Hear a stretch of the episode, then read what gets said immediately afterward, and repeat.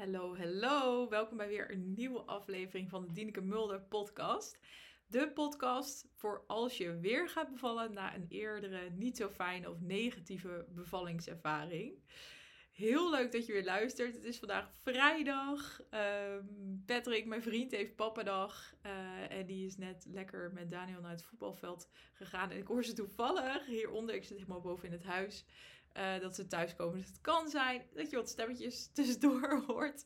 Uh, en het is dus vrijdagmiddag en ik dacht, oké, ik wil echt nog vandaag een podcastaflevering opnemen. Ik probeer dus vier à vijf keer per week een nieuwe aflevering online te zetten. Ik probeer mezelf altijd één, of ik geef mezelf altijd één wildcard. en um, vooral dus voor als ik mamadag heb, of de laatste tijd zijn natuurlijk, het is nu namelijk eind mei, er zijn heel veel vrije dagen geweest. En maandag is het toevallig weer een vrijdag, dan is het tweede Pinksterdag.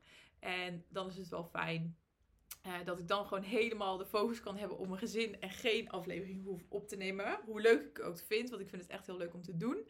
Maar ik dacht vandaag voor het weekend, ik wil nog één aflevering in ieder geval voor je online zetten. Met hopelijk weer een onderwerp waar je ja, heel veel waarde uithaalt, waar je heel veel aan hebt.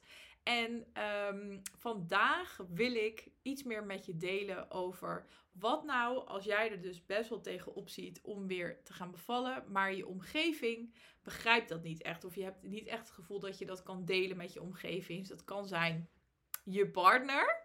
Uh, maar heel vaak uh, zijn het bijvoorbeeld vriendinnen of uh, ja, familie. Uh, die niet helemaal begrijpen dat het voor jou ja, best wel beladen kan zijn of lastig kan zijn om, uh, om weer te gaan bevallen. En dat je gewoon merkt dat in dat hele proces, dus überhaupt uh, bij mij begon dat zelfs bij uh, dat ik mijn wens voor een tweede kindje heel lang heb uitgesteld. Doordat ik er zo tegenop zag en echt zat, zat te twijfelen of ik wel überhaupt weer, weer een keer wilde gaan bevallen. Dus dat kan wellicht ook bij jou zo zijn. Het kan ook zo zijn dat je uh, al in het proces zit, zeg maar, samen met je partner, dat jullie de knoop hebben doorgehakt. En dat je hebt besloten om ervoor voor te gaan. Maar dat je merkt dat er, ja, dat er soms toch wel, of soms dat er best wel vaak gedachten naar boven komen. Um, over, oké, wat als ik weer zwanger ben? En op een gegeven moment moet ik dan weer gaan bevallen. En hoe zal dat dan gaan? Uh, of misschien ben je nu zelfs wel zwanger van je tweede kindje en komt het dus wel echt heel dichtbij. En ik merk ook aan de vrouw met wie ik in gesprek ga dat hoe dichter ze bij die bevalling komen, um, ja, hoe meer onzekerheden en gedachten uh, er naar boven komen. En het kan heel fijn zijn als je daar een heel supportive partner in hebt, of dat in ieder geval met je omgeving kan delen. Maar daarin is niet altijd begrip. Of althans, je omgeving reageert misschien niet altijd zoals jij graag zou willen in die zin. Of hoe jij dat nodig zou hebben. En daar wil ik iets meer over zeggen vandaag. Um, het wordt niet een hele lange aflevering. Ik wil gewoon een paar dingen noemen die je misschien hierin kunnen helpen. Wat goed is om te weten is dat uh, ik ga er altijd van uit dat de intentie van de meeste mensen gewoon goed is. En dat niemand um, expres dingen zegt om de ander te kwetsen. Daar ga ik eigenlijk altijd van uit. En uh, het is ook zo dat het goed is om je te bedenken dat mensen altijd, wij reageren altijd op de ander vanuit onze eigen overtuigingen en vanuit ons eigen perspectief. En ik heb ook in mijn ervaring gemerkt dat de vrouwen of de vriendinnen van mij, uh, die eenzelfde bevallingservaring uh, hebben gehad, dat, dat ik daar het meeste mee kan levelen. Wat ook heel logisch is, want ze hebben ja, bijna hetzelfde, ongeveer hetzelfde meegemaakt. Ze zijn door hetzelfde proces gegaan, door de verwerking, door al die gevoelens en emoties die daarbij komen kijken. En dat maakt nou eenmaal dat je je veel beter kunt verplaatsen in de ander. Ik heb bijvoorbeeld één vriendin die nu ze zelf is bevallen en, en uh, zij had dan best wel een oké uh, bevalling. Daar kijkt ze positief op terug, maar wel weer lastig gehad zeg maar in haar kraamtijd. Um, maar zelfs alleen al door die ervaring uh, heeft ze al uitgesproken dat ze zich um, makkelijker weer kan verplaatsen in mij. En zo heb ik dat ook met, uh, met mijn vriendinnen. Ik weet nog dat um, een van mijn vriendinnen, uh, die was als een van de eerste, kreeg zij kindjes. En ze had um, moeilijkheden met borstvoeding. En ik heb destijds heb ik, weet ik, dat weet ik nog zo goed. Toen heb ik echt gezegd, ja, waarom stop je er dan niet gewoon mee? en toen was ik dus zelf nog geen moeder. Ik dacht namelijk, in mijn hoofd was dat gewoon super makkelijk. Weet je, als het niet lukt, nou dan stop je er toch gewoon mee. En pas toen ik zelf moeder werd, en dat heb ik ook tegen haar gezegd, zei ik, wow, nou, ik zou dit echt nooit meer tegen je zeggen. Want toen pas, toen ik het zelf meemaakte, toen pas ervaarde ik van, oké, het is echt het meest ja, ja, zware wat je ooit zult doen. Oh, dit klinkt wel heel negatief. Maar ik vond het, het is niet alleen maar, zeg maar, roosgeur en maneschijn. Borstvoeding is ook gewoon hard werken. En het is pittig. En, en, en bij de meeste vrouwen gaat het niet direct heel chill. Ik had heel veel pijn bijvoorbeeld in het begin. Ehm, maar het is, er gaan ook ontzettend veel hormonen door je heen. En um, het is ook een stukje soort van, het zit gewoon in ons vrouw zijn. Dat je heel graag ja, ik denk voor de meeste vrouwen dat je toch heel graag je, je kind voor je gevoel het beste wilt geven. En dat dat als het meest natuurlijk voelt. En het is gewoon ontzettend heftig om dan de stekker eruit te moeten trekken. Dat vond ik zelfs, want ik heb uiteindelijk negen maanden borstvoeding gegeven. En steeds een beetje afgebouwd, zeg maar. Dus met negen maanden deed ik niet meer alle voedingen. Maar zelfs toen vond ik het lastig om echt te stoppen. En dat, ja, dat heeft gewoon met een aantal dingen te maken. Maar toen zei ik ook tegen die vriendin van mij: Oké, dit nu stap ik je helemaal. Dit zou ik echt nooit meer zeggen. Ik heb dit ook nooit meer tegen die vriendin gezegd. Als ik nu gesprek heb met vriendinnen die net zijn bevallen en borstvoeding geven, daar, daar um, struggles mee hebben, dan, ja, dan ben ik veel meelevender. En dan ga ik gewoon kijken van: Oké, ehm, zijn er misschien dingen die je kunt doen om het jezelf makkelijk te maken zonder dat je hoeft te stoppen, zeg maar. Tenzij ze dat natuurlijk willen. Maar nou ja, je snapt natuurlijk, je snapt denk ik een beetje wat ik bedoel. Dus op het moment dat we eenzelfde ervaring of een vergelijkbare ervaring meemaken, dan kunnen we gewoon beter ons in de ander verplaatsen. En als je die ervaring niet hebt gehad, dus als je mensen in je omgeving hebt die heel lang geleden zijn bevallen, of, of nog niet. Ehm, zijn bevallen of van uh, uh, het andere geslacht zijn, mannen. Um, ja, dan merk je dat, uh, en dat is niet altijd zo, maar je zult denk ik sneller merken dat die mensen het gewoon lastiger vinden om zich in jou te verplaatsen. En dat is oké. Um, dat is ook denk ik goed om uit te spreken. Dat is oké. En dat zegt niet zoveel over. Het is altijd goed om het een beetje ook weer in perspectief te zien. In de zin van als mensen niet de dingen zeggen die jij graag wil horen, dan betekent dat niet dat ze jou niet.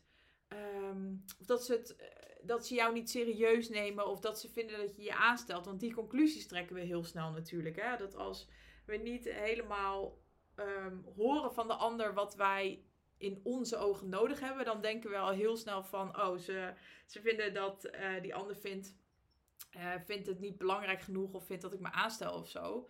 Maar het is echt belangrijk om dat los van elkaar te zien. Dat iemand in je omgeving zich niet zo goed kan verplaatsen, hoeft nog steeds niks te zeggen over jullie band of hoe, um, hoe supportive die ander naar jou is.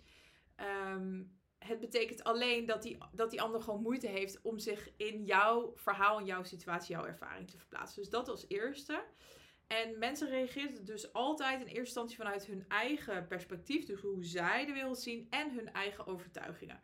En wat er vaak gebeurt, is dat veel mensen denken. Ik heb een beetje. Nou, twee dingen die ik regelmatig hoor van vrouwen. Is dat mensen denken. Nou ja, vooral dus als het niet meer echt net na je bevalling is. Maar dus meer richting ehm, de wens voor het tweede kindje of de tweede keer zwanger. Dat ze denken, nou, het is nu zo lang geleden.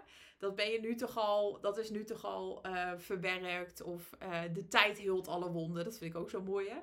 Uh, dus heel vaak denken mensen van ja, nou, nu, uh, nu, is, het wel, nu is het wel klaar, toch? Dus nu um, heb je het helemaal achter je gelaten. Dat is ook mooi, ja.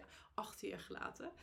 Uh, of een tweede die ik vaak hoor is dat mensen zoiets hebben van ja, maar je bent nu toch gewoon oké. Het gaat goed met je. Je bent weer aan het werk gegaan. Je bent al hartstikke leuk en vrolijk. En je vindt het moederschap helemaal leuk. En je kindje was uiteindelijk toch gezond. Alles is goed gekomen. Dat zijn een beetje uh, wat soms kan voelen als een soort van dooddoener. Dat zijn hoe de meeste mensen reageren. Um, maar ook dat zegt dus um, hoe lastig dat ook is. Want misschien heb je op dat moment juist het nodig dat iemand doorvraagt. Um, dus echt wat dieper zeg maar, op jouw verhaal of wat je dan ook wil, wil delen ingaat. Daar wat meer vragen over stelt.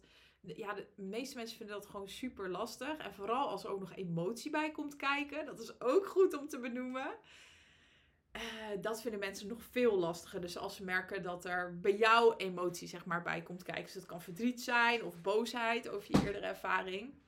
Heel veel mensen vinden dat lastig om om te gaan. Want we vinden het überhaupt al lastig om met onze eigen emoties om te gaan. Laat staan met die van de ander. Dus dat is goed om even, uh, even te benoemen. En nogmaals, um, dat iemand niet helemaal reageert zoals jij had gehoopt of nodig hebt. Dat wil dus niks zeggen over um, hoe jullie band is. Of dat een ander um, niet... Hoe zeg je dat? Niet jou wil steunen of supportive wil zijn. Ik denk dat dat wel goed is om dat gewoon los van elkaar te koppelen. En wat kan je hier nou zelf mee? Nou, goed nieuws. Want uiteindelijk is het het belangrijkste um, dat jij jezelf begrijpt. Dus dat jij begrip hebt op jezelf. En wat er stiekem heel vaak gebeurt, is dat we iets bij onszelf ervaren, dus waar we mee zitten. Dus dat het feit dat er dus nog veel gedachten bij je naar boven komen, dat je het spannend vindt om weer te gaan bevallen, dat je er tegenop ziet. En wat we dan heel vaak doen, is dat we eerst in onze omgeving gaan checken van, ehm, is dit wel erg genoeg? We gaan eigenlijk in onze omgeving gaan we valideren van, ja, ehm, wat vindt de ander nou van? En dan zijn we onbewust bijna op een soort van toestemming aan het wachten van de ander die dan zegt: Ja, inderdaad, ik snap dat jij hier nog steeds mee zit en dat het nog steeds. Um, uh, zeg maar, uh, impact heeft op hoe jij naar je tweede bevalling kijkt. En um, zolang je dat uh, blijft doen, um, ja, gaat het eigenlijk, blijf je in een soort van cirkeltje rond dwalen, als het ware. Want je bent dan constant eigenlijk van anderen afhankelijk om die, uh, hoe zeg je die, die validatie of dat begrip te krijgen van dat uh, jij ergens mee zit, zeg maar. En ik denk dat het belangrijkste is om je te realiseren dat je in principe, hoe fijn het ook is, hè, dat, een, dat je omgeving, mensen in je omgeving supportive zijn en jou begrijpen.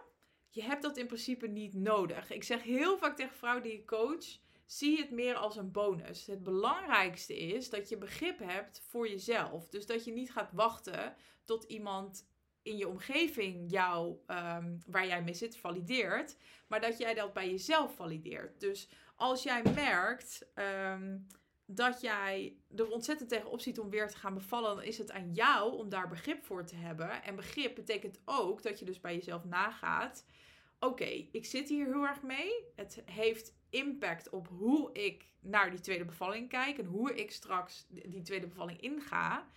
Waar heb ik precies op dit moment behoefte aan? Zit er misschien nog een stukje verwerking wat nog niet helemaal is doorlopen? Misschien wil je nog wat extra EMDR-sessies doen. Misschien is het dat je iemand nodig hebt uh, die je constant bijstaat in je geboorteteam. Dus dat je gaat kijken, kan er misschien een doula bij zijn of iemand anders. Misschien is het dat je eerst, dus dat is mijn werk natuurlijk, wat ik, waar ik me heel erg op focus.